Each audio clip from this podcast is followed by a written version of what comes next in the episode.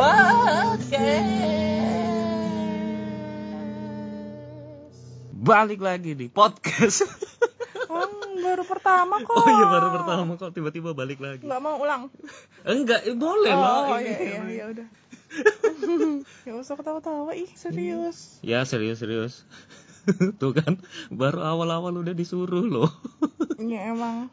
Jadi perkenalan aku tuh calon diktator Indonesia Bernama bernama Verosa Mussolini. enggak. Iya jadi nama podcast kita apa bab tadi? Hmm, podcast Gus Anggi. Enggak. Karena dia berasal dari pesantren Tebu Ireng Jawa Timur. Tebu ireng. Artinya tebu ireng apa sih? Oh tebu hitam. ya? Kenapa namanya tebu ireng sih? Kepo Ireng deh kayaknya. Tebu, tebu, Nggak tahu. tebu. Tebu tuh yang Nggak tahu. oh, gula itu loh. Aku nggak tahu ilmu agamaku tuh nggak segitu soalnya aku cuma lulus pesantren kilat. Atta Halilintar juga tuh. Tadi namanya apa? Namanya podcast tujuh keliling karena kita bingung mikirin nama podcast. Jadi kita sampai pusing tujuh keliling, makanya ya udahlah nama podcastnya podcast Aku- tujuh keliling. Hmm. Setuju nggak? Jangan-jangan nggak setuju. nggak setuju. Tapi Ya ya udah, udah, nama aku kan emang basically nggak pernah setuju apa Oh iya betul. Ya itulah makanya namanya tujuh keliling karena nggak ada yang pernah setuju. Kenapa nggak podcast tidak setuju aja? Podcast nggak setuju. Boleh sih. Podcast agree to disagree. Agree to disagree, boleh sih. Ya elah panjang nanti belum sampai gitu. Eh gitu disagree. Agree to disagree. ada limit. Kayak gitu. Jadi sekarang mau, membahas apa? Untuk Oh iya. Jadi kayak gini, aku sih prinsipnya ya membuat podcast ini yang penting kita tuh turut mencerdaskan anak bangsa dengan em, dengan menjunjung tinggi em, perintah dari Ki Hajar Dewantara ing soseng tulodo ing madya mangangkaso tut wuri handayani yang tersematkan dalam seragam sekolah dari SD sampai SMA seperti itu. Halah cot, cerdasin diri sendiri aja nggak bisa loh. Mau sok-sok mencerdaskan anak bangsa loh. Iya emang sebagai anak muda tuh emang udah seharusnya kita buat eh, berkontribusi buat eh, bangsa ini dan banyak banget di luar sana tuh emang anak-anak yang eh, belum nerima pendidikan secara utuh kayak kayak dari aku kayak kayak kayak kayak, kayak. Kayak gue tuh dulu pernah dulu ya, gue ke daerah yang namanya Mitsubishi ya. Mereka tuh di sana tuh kayak kayak nggak membaca aja tuh mereka kayak baca tuh dari kanan ke kiri. Oh ternyata ya mereka baca Al-Quran. Nanti terus dikasih efek bom gitu Enggak, malas malas malas. Udah langsung aja. Eh jadi tema hari ini apa bab? tema hari ini eh kok bab sih aku kan profesor Oh iya Prof. Jadi tema hari ini apa Prof? tema hari ini adalah em, apa tadi tema hari ini adalah eh, reformasi birokrasi Reformasi Eh, birokrasi. Jadi memang kita tuh eh, pada situasi krisis seperti ini memang reformasi birokrasi memang diperlukan sekali. Contohnya. Eh, Bentar bentar, yang ka- bisa bikin kamu bilang birokrasi sekarang tuh harus reformasi apa? nggak tahu kenapa cuma nyerang. Jangan dielaborasi, tulil. Lah kirain beneran mau itu temanya, Cuk. ya aku nggak berani, soalnya aku kan basicnya aku akademik ya dari keluarga yang benar-benar akademik. Aku juga lulusan ITB gitu. Jadi aku sendiri tuh nggak berani kalau ngomong nggak pakai dasar nggak pakai paper gitu. Aku kayak ntar dulu gitu. Ntar ada sessionnya sendiri. Yang sekarang sih fokus aku untuk mengeducate people. Berat ya. Enggak, yang penting kan sebenarnya kita based on assumption aja. nggak bisa nggak bisa. Udah terlalu banyak orang yang berasumsi. Kita nggak boleh berasumsi. Kita harus pakai Tasya, udah tuh Tasya. makanya aku heran kenapa orang-orang pada kayak gitu ya emang dari kecil udah diajarin kayak gitu kali ya pas belajar ikro Mm-mm, belajar Kayak- ikro tuh langsung disuruh ke jus jus Bukan- 28 gitu. bukan goblok yang itu Maksudnya ikfa itu loh yang kayak oh itu Oh, itu gombi Eh, laguna, itu itu gom. gombi coba itu gina. iya jadi kalau ngomong Iya, jadi, jadi jadi da- dalnya itu Dal. adalah itu gom itu gom. jadi Iya, jadi Kamu dulu ikro ranking berapa? Aku dulu ik- aku dulu waktu TK udah lulus ikro jadi pas SD udah wisuda ikro Oh, di wisuda. Ada wisudanya ya? ada wisuda ikro jadi aku udah sarjana ikro Di SI, SSI. SI SI apa? Lalu dulu di Kupang nggak ada loh. oh kamu lahir di Kupang Iya. Nggak ada yang namanya. Sumpah ya kamu kalau lahir di Kupang pasti dulu di SD ku kamu pasti terpopuler karena? Karena kayak lahir di luar Jawa gitu. Ih jauh banget keren keren banget. Iya dia kan anak Kupang. Terkenal tanpa harus Iya. ya, tanpa harus ngapa-ngapain ya. iya apalagi kalau misalnya bisa lahir di luar negeri kayak gitu. Itu keren banget. Di antara anak-anak SD apa sih istilahnya sikap kayak gitu tuh yang menganggap orang bule semuanya pintar tuh apa? ria sikap bodoh. Bukan ria. Sikap bodoh. Bukan, nah apa sih istilahnya? hmm, apa ya? Sikap duduk. Sikap siap. Sikap siap aku sebel banget deh Sebel kenapa? semua kadang tuh orang ur- kulit putih itu tuh selalu pintar selalu bagus asli bener dan ya kadang kulit putih kerjaan juga gitu sih kadang kulit putih tuh selalu sotoy gitu Mm-mm. ngajarin ngajarin padahal mereka tuh nggak tahu dia cuma pintar bahasa Inggris doang Mm-mm. Iya, bener-bener itu doang. Terus yang habis itu- membedakan kita sama mereka tuh cuma karena bahasa doang. Dan di mata kita namanya bahasa Inggris tuh susah, mungkin ya atau gimana sih? nggak semua orang di negara kita bisa bahasa Inggris sih cuman orang yang sekolah yang sekolah pun juga susah Iya, kalau itu pun. bahkan sempat dulu kurikulum bahasa Inggris itu dihilangin dari SD jadi bahasa Inggris cuma ada di SMP ke atas itu juga cuma berapa jam itu sempat tuh Oh iya. Hah, Oh, pernah itu pas pas siapa menterinya? Pas masih Pak Hajar Dewantoro. Iya enggak lah tolol Oh. Lupa lupa tapi ada masanya kayak gitu Soalnya mamaku guru bahasa Inggris Jadi aku tuh kayak emang udah biasa banget ngomong English gitu di rumah Ngomong English. Gimana ngomong English? Ngomong English di rumah English.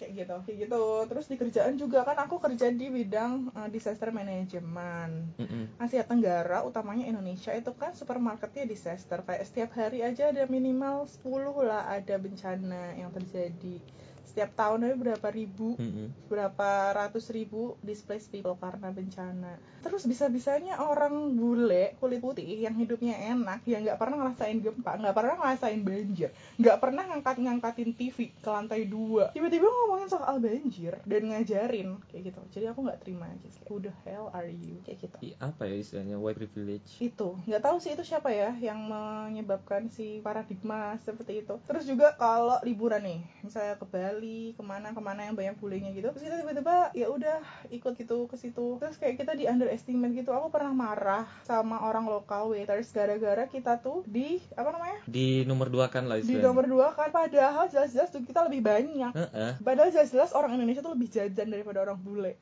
Makanya asli apa ya istilahnya tuh kayak kita tuh eh, emang kayaknya udah mental kejajah kali ya udah dari dulu kejajah btw zaman VOC tuh kita belum dijajah tahu jadi sebenarnya tuh bukan 350 tahun sih. Jadi 300 tahunnya itu VOC datang ke kita tuh ya kayak apa ya? Kayak pabrik Toyota gitu terus kayak anu di Mauritius gitu loh. Jadi kayak seakan-akan Mauritius itu dijajah padahal bukan sebagai Belanda gitu tapi ya sebagai VOC aja gitu. Jadi dagang nih terus mereka yang mereka itu kan rempah kan.